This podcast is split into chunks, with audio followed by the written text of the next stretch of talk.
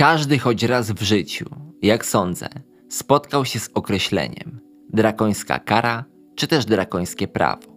Powszechnie używa się tego terminu, aby podkreślić surowość danego orzeczenia, kary czy przepisu. Mało kto zdaje sobie jednak sprawę, że prawa drakona odnoszą się do faktycznie istniejącego kodeksu, który spisano w VII wieku przed naszą erą, w starożytnych Atenach. Co o nim wiemy? Czy prawa w nim zawarte były aż tak surowe, jak je dzisiaj kojarzymy? Czy prawo drakońskie spisano krwią, jak podaje jeden ze starożytnych historyków? Jak wyglądało w Grecji prawo przeddrakońskie i jakie kodyfikacje je poprzedziły? To tylko niektóre z pytań, na które postaram się Wam odpowiedzieć. Zapraszam serdecznie w podróż do Grecji archaicznej, a więc Grecji w erze poprzedzającej czas rozkwitu, czyli epokę klasyczną. Dziękuję w tym miejscu patronom oraz patronkom oraz wszystkim oglądającym, łapkującym i komentującym. Z góry dziękuję natomiast tym, którzy dopiero co zasubskrybują mój kanał. Zróbcie to teraz. Dzięki. Zaczynajmy.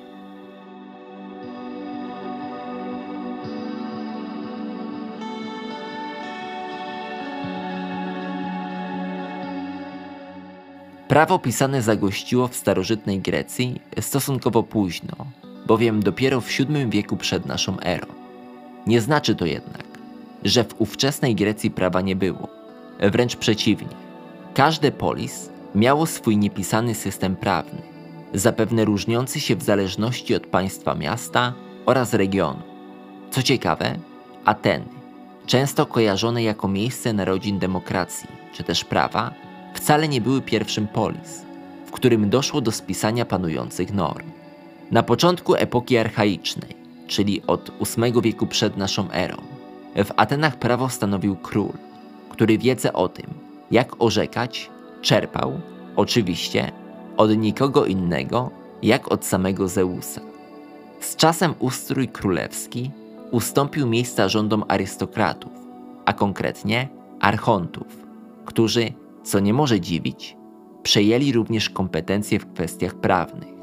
I tak, kwestie religijne przypadły w udziale archonowi Bazileusowi, a więc archontowi królowi.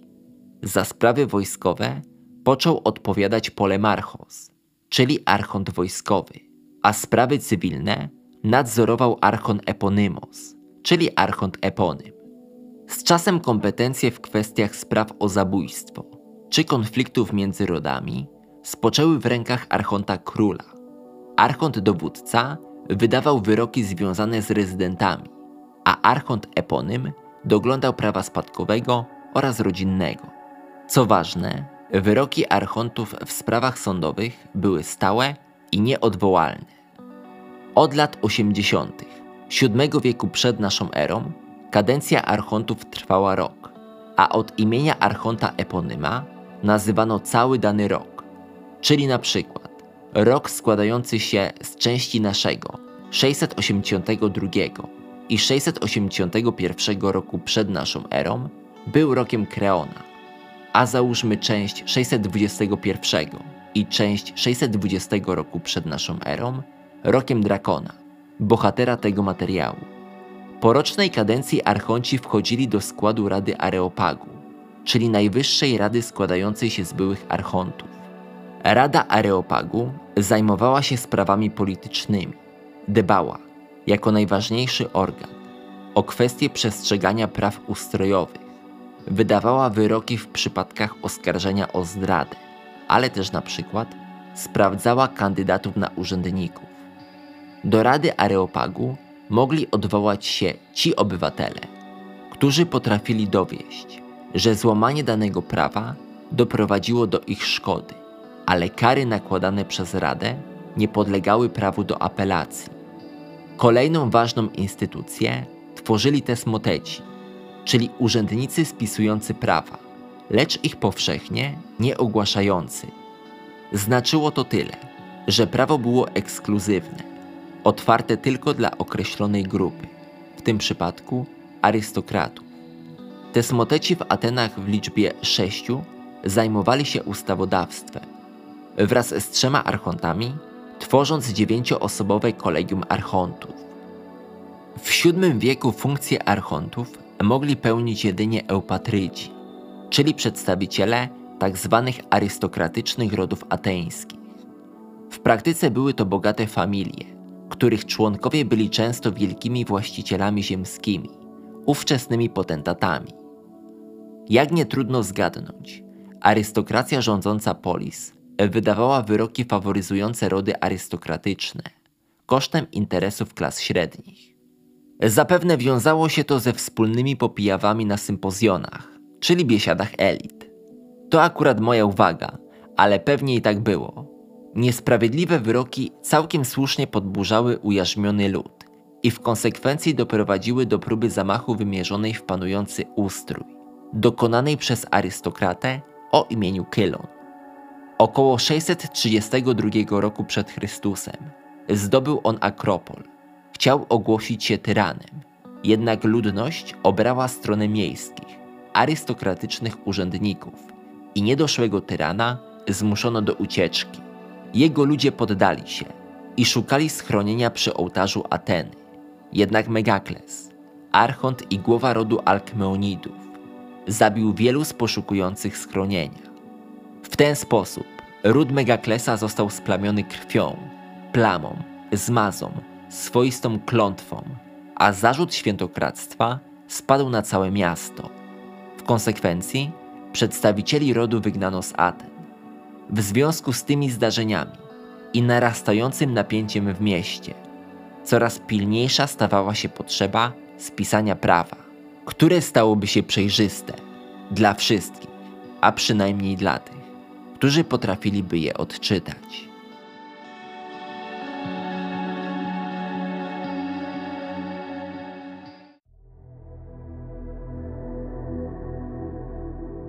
W międzyczasie, około IX wieku przed naszą erą, Grecy wynaleźli alfabet, co dostarczyło tesmotetom wszystkich potrzebnych narzędzi, aby zająć się na poważnie pierwszą ateńską kodyfikacją panujących norm.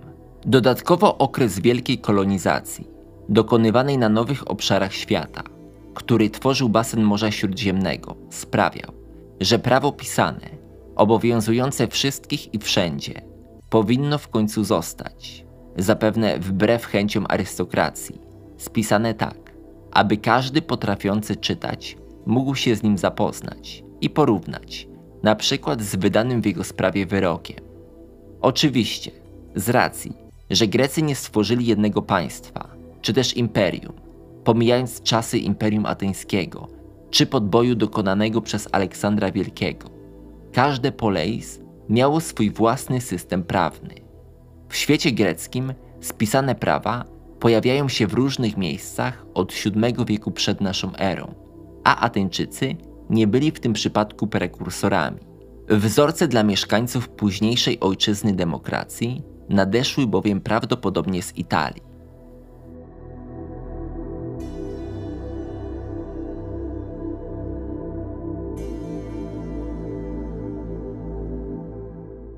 Sprawiedliwe, stałe i publicznie dostępne prawa. Ta piękna idea w odniesieniu do świata greckiego zamanifestowała się prawdopodobnie po raz pierwszy w lokrach epizefyryjskich, mieście położonym ówcześnie we Wielkiej Grecji, dzisiaj we Włoszech. Około 662 roku przed naszą erą, niejaki Zaleukos podjął się misji stworzenia pierwszej znanej nam kodyfikacji greckiej. Choć jego prawa nie przetrwały w oryginale do dzisiaj, to sporo info na temat można wywieść z późniejszych relacji u innych pisarzy. Rzekome kodyfikacje Zaleukosa znajdujemy w XII Bibliotece Historycznej o Peryklesie i wojnie peloponeskiej Diodora Sycylijskiego, piszącego w I wieku przed naszą erą. Sięgnąłem do tego dzieła i wyczytałem całkiem ciekawe kwestie.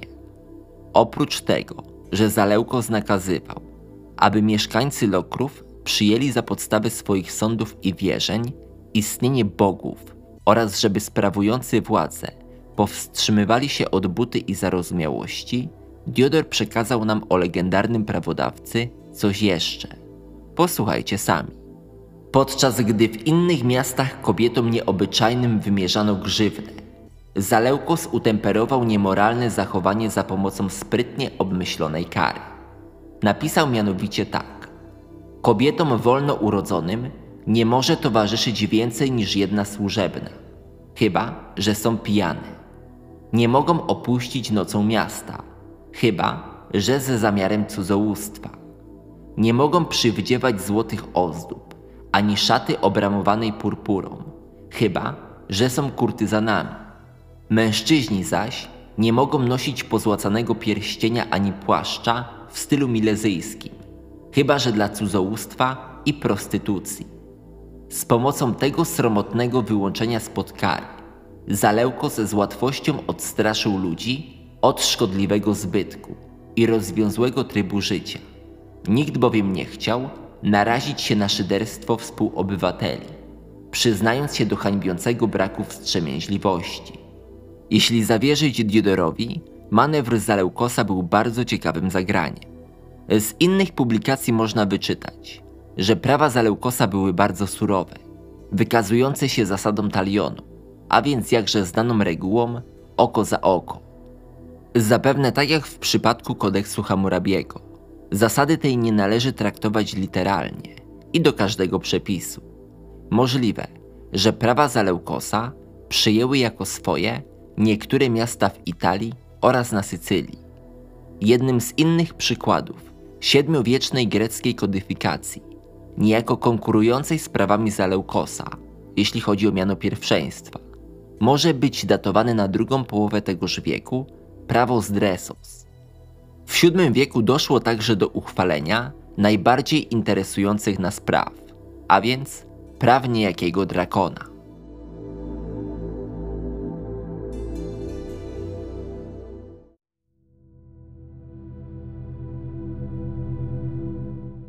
621 roku przed naszą erą Ateńczycy obwołali testometom niejakiego drakona, wyznaczając mu konkretne zadanie spisanie i ogłoszenie praw. Nie można wykluczyć, że prawa drakona pozostawały w ścisłym związku z nieudaną próbą zamachu na ateńskie rządy arystokratów, dokonaną przez Kilona w 632 roku przed naszą erą oraz z rosnącymi napięciami w polis. Zbrodnia przelewu krwi obarczała odpowiedzialnością całe państwo, a więc należało jej za wszelką cenę uniknąć. O prawie czy też prawach drakona, co może rozczarować część słuchaczy, nie wiemy zbyt wiele pewnego, gdyż nie przetrwało ono do naszych czasów w wersji oryginalnej i dość prędko zostało zastąpione przez silniejsze i trwalsze reformy Solona. Jednakże mimo to możemy doszukać się w podaniach późniejszych autorów ech drakońskich praw. Zacznę od Arystotelesa, a pisał on tak. Wkrótce potem, za archonta Aristaichmosa, nadał drakon swe prawa, których osnowa jest następująca. Posiadanie praw politycznych przyznano tym wszystkim, którzy z funduszów własnych byli w możności broń sobie kupić. Dziewięciu archontów, tudzież skarbników, wybierano z liczby takich obywateli, którzy posiadali majątek niezadłużony, wartości co najmniej 10 min. Do innych niższych urzędów mieli przystęp ci wszyscy, którzy byli w stanie broń sobie kupić. Na wodzów wojska pieszego, tudzież na dowódców jazdy, wybierano tylko takich obywateli, którzy wykazali się majątkiem niezadłużonym, wartości co najmniej 100 min i mieli z prawej małżonki prawych synów, liczących powyżej lat 10. Rada składała się z 401 członków, wybieranych losem spośród obywateli. Tak do rady, jak i na inne urzędy mogli być wybierani losem tylko obywatele, liczący powyżej lat 30. Nikt nie mógł dwa razy tego samego urzędu piastować, póki kolej wszystkich nie obeszła.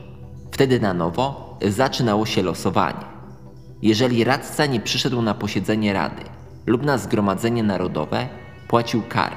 I to człowiek bogaty trzy drachmy, obywatel średnio zamożny dwie, a chłop jedną drachmę. Areopag był stróżem praw i czuwał nad tym, ażeby każdy urzędnik swój urząd według praw sprawował. Pokrzywdzonemu przez urzędnika wolno było wnieść skargę do Rady Areopagitów i dochodzić swego prawa, w którym czuł się być pokrzywdzony. Z tym wszystkim jednak, jak powiedziałem, lud dźwigał dalej za długi jarzmo niewoli, a ziemia była w rękach niewielu właścicieli. Dzisiaj wydaje się, że Arystoteles, spisujący konstytucję Aten w IV wieku przed naszą erą, opierał się już prawdopodobnie przede wszystkim na tradycji. Po pierwsze, wówczas, czyli w czasach Drakona, w Attyce nie było jeszcze monet, a więc podanie o pieniądzach, czyli o drachmach, jest tutaj raczej anachronizmem, lub Arystoteles dokonał opisu dawnych zwyczajów miarami czy kalkulacjami z jego czasów. Reformator Solon, około 30 lat po ogłoszeniu praw Drakona, nadal dzielił ludzi na klasy względem posiadanych produktów, a nie ilości pieniędzy. Po drugie, Arystoteles wskazał, że Radę tworzyło 401 członków, jakoby wybieranych drogą losowania. Przypomnę, że w VII wieku rządziły rody arystokratyczne, a Radę tworzyli byli archonci. Wydaje się, że i ta część podania jest w dużej mierze anachronizmem. W swojej konstytucji Aten Arystoteles pisał, że konstytucja Solona zniosła konstytucję Drakona we wszystkich aspektach oprócz spraw związanych z zabójstwami. Może być to prawdą. Nicolas Hammond w swoich dziejach Grecji pisał, że najpilniejszym problemem uregulowanym przez Drakona było postępowanie sądowe w sprawach dotyczących wspomnianego już przelewu krwi. Prawa Drakona w kontekście zabójstw przetrwały w dokumencie z końca V wieku przed naszą erą, kiedy to w Atenach doszło do restytucji, czyli przywrócenia reform Solona oraz tych praw Drakona, które dotyczyły kwestii zabójstwa. Możemy tam wyczytać, idąc za Hamondem, że człowiek, który zabije drugiego nieumyślnie, musi iść na wygnanie. Sprawę badają królowie, a 51 sędziów apelacyjnych wydaje wyrok wstępny. Prawo zastrzega możliwość darowania kary winowajcy w wypadku jednomyślnej zgody jednej z następujących grup najbliższych krewnych męskich ofiary. W braku tych męskich krewnych skuzynowatych, w braku tych męskich krewnych skuzynowanych, w braku tych, o ile według orzeczenia sądu apelacyjnego było to zabójstwo, dziesięciu członków fratrii, wybranych przez sędziów na podstawie urodzenia. Jak widać, prawo Drakona we wersji z inskrypcji wyrytej na steli z około 409 roku przed naszą erą umożliwiało arystokratycznym rodom, z których wywodziły się ofiary, zdecydowanie o tym, czy anulować karę, jaką była konieczność udania się na wygnanie przez nieumyślnego sprawcę zabójstwa, czy też nie. Możliwe, że Drakon wprowadził instytucję swoistego sądu apelacyjnego, złożonego z 51 sędziów apelacyjnych, wybieranych z arystokracji i w razie zaistnienia potrzeby. Nieumyślne spowodowanie zabójstwa uznawano zatem za zabójstwo, ale istniała szansa na anulowanie kary. Wydawałoby się zatem, że rozróżnienie zabójstwa umyślnego i nieumyślnego należy do najważniejszych osiągnięć Drakona. Jednakże nie da się dowieść, czy była to jego własna inicjatywa, czy też nie. Być może takie uregulowanie istniało już od dawna w prawie zwyczajowym.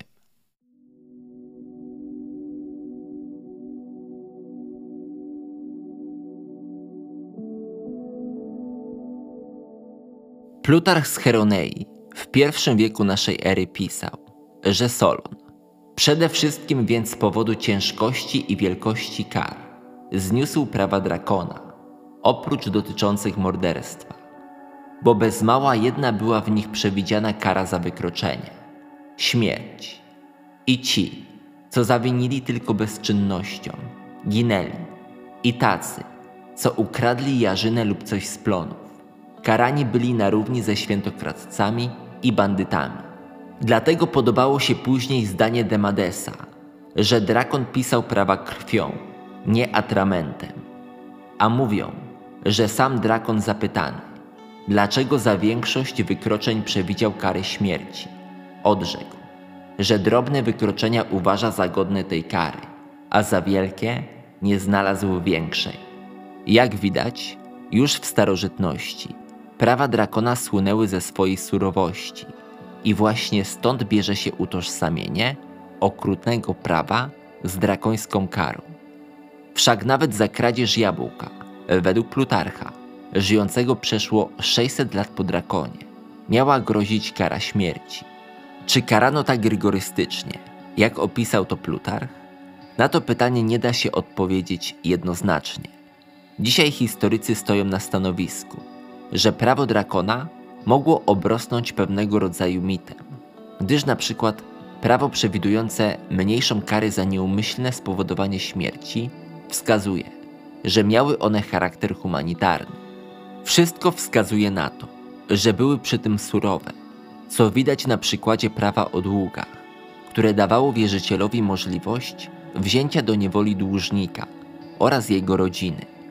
Z żywota Solona oraz z własnych poematów reformatora możemy dowiedzieć się na ten temat nieco więcej.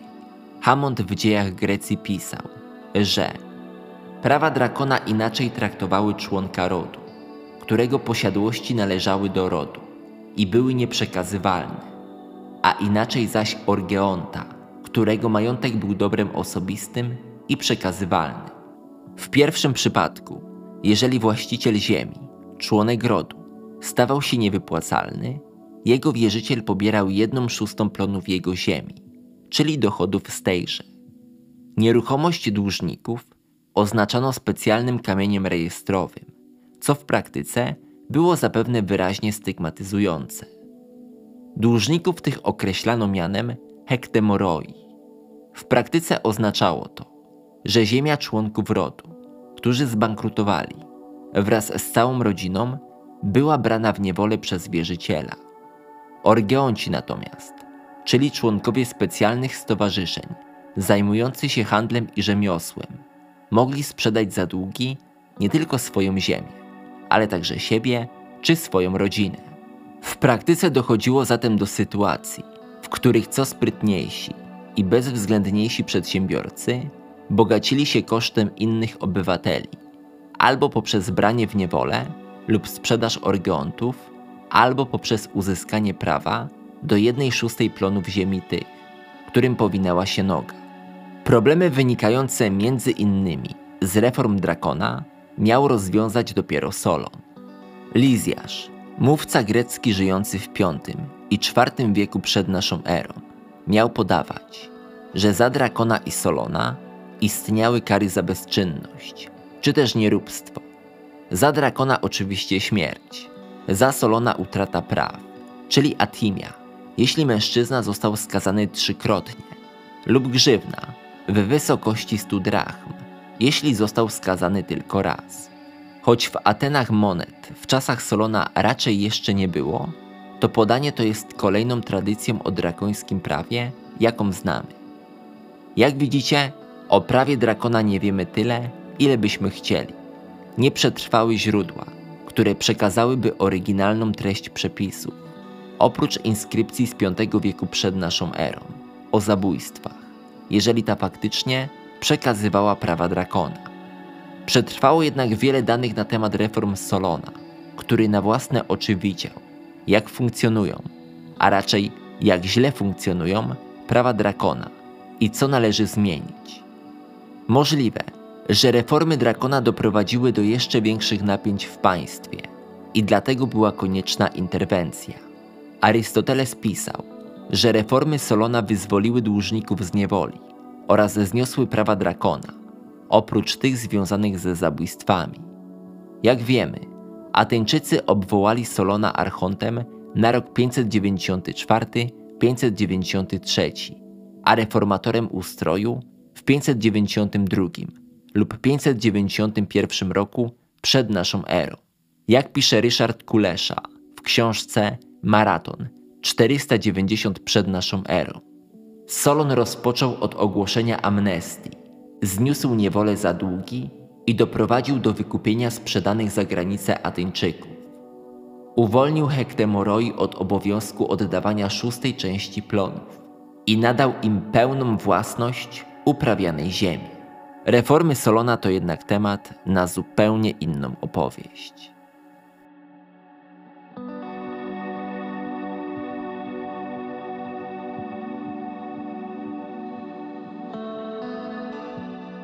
Mimo, że tradycja uznała prawa drakona za niezbyt udane, to niektórzy twierdzą, że były one pierwszym krokiem do ateńskiej demokracji, nie tyle z powodu swojej treści i wykładni, ile z racji faktu, że po raz pierwszy w tym polis doszło do ustanowienia powszechnie obowiązujących, spisanych i znanych praw.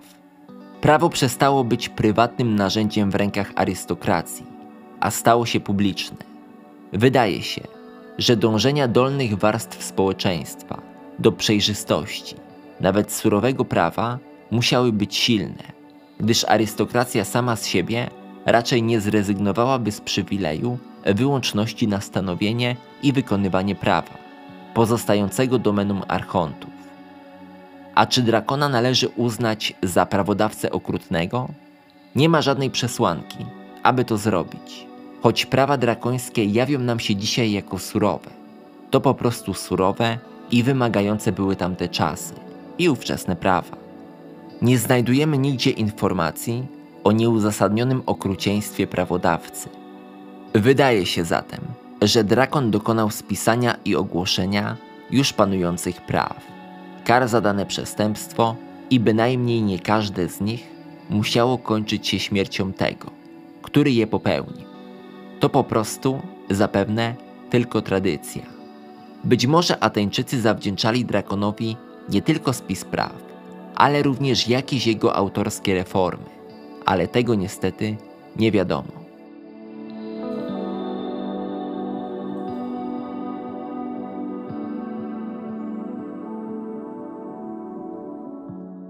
Jak większość moich stałych widzów wie, z wykształcenia jestem prawnikiem, a więc temat starożytnego prawa jest mi dość bliski. W przeszłości na moim kanale pojawiły się dwa podcasty o prawie mezopotamskim. Pierwszy to najstarsze kodeksy w historii świata, a więc kodeksy z Mezopotamii, reformy Urukaginy, kodeks Urnammu czy kodeks Lipit Isztara, omówione w ramach jednego podcastu.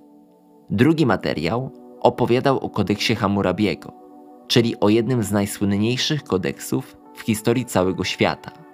Link do tych materiałów znajduje się w opisie. Koniecznie napiszcie, czy dzisiejszy podcast Was zainteresował i czy chcecie kontynuację w postaci materiału o reformach Solona. Może warto zrobić jakąś miniserię pod tytułem Starożytne Prawa. Napiszcie proszę pod filmem na YouTube i pod podcastem na Spotify. Dodam, że na kanale znajduje się także rozmowa z profesorem Markiem Węcowskim, Jakiś czas temu w ramach historycznych rozmów, a więc mojej nowej serii rozmów z ekspertami, porozmawialiśmy o starożytnej Grecji i ówczesnej kulturze, cywilizacji, a także o demokracji. Odsyłam do tego prawie trzygodzinnego materiału. I przypominam, że na moim kanale macie godziny wiedzy, w zasadzie setki godzin wiedzy, przekazywanej nie tylko przeze mnie. Dziękuję patronom oraz patronkom i przypominam, że jeżeli ktoś ma ochotę wesprzeć mój projekt, może to uczynić poprzez serwis Patronite. Link w opisie. Ja dziękuję za uwagę, pozdrawiam serdecznie i żegnam się. Do usłyszenia.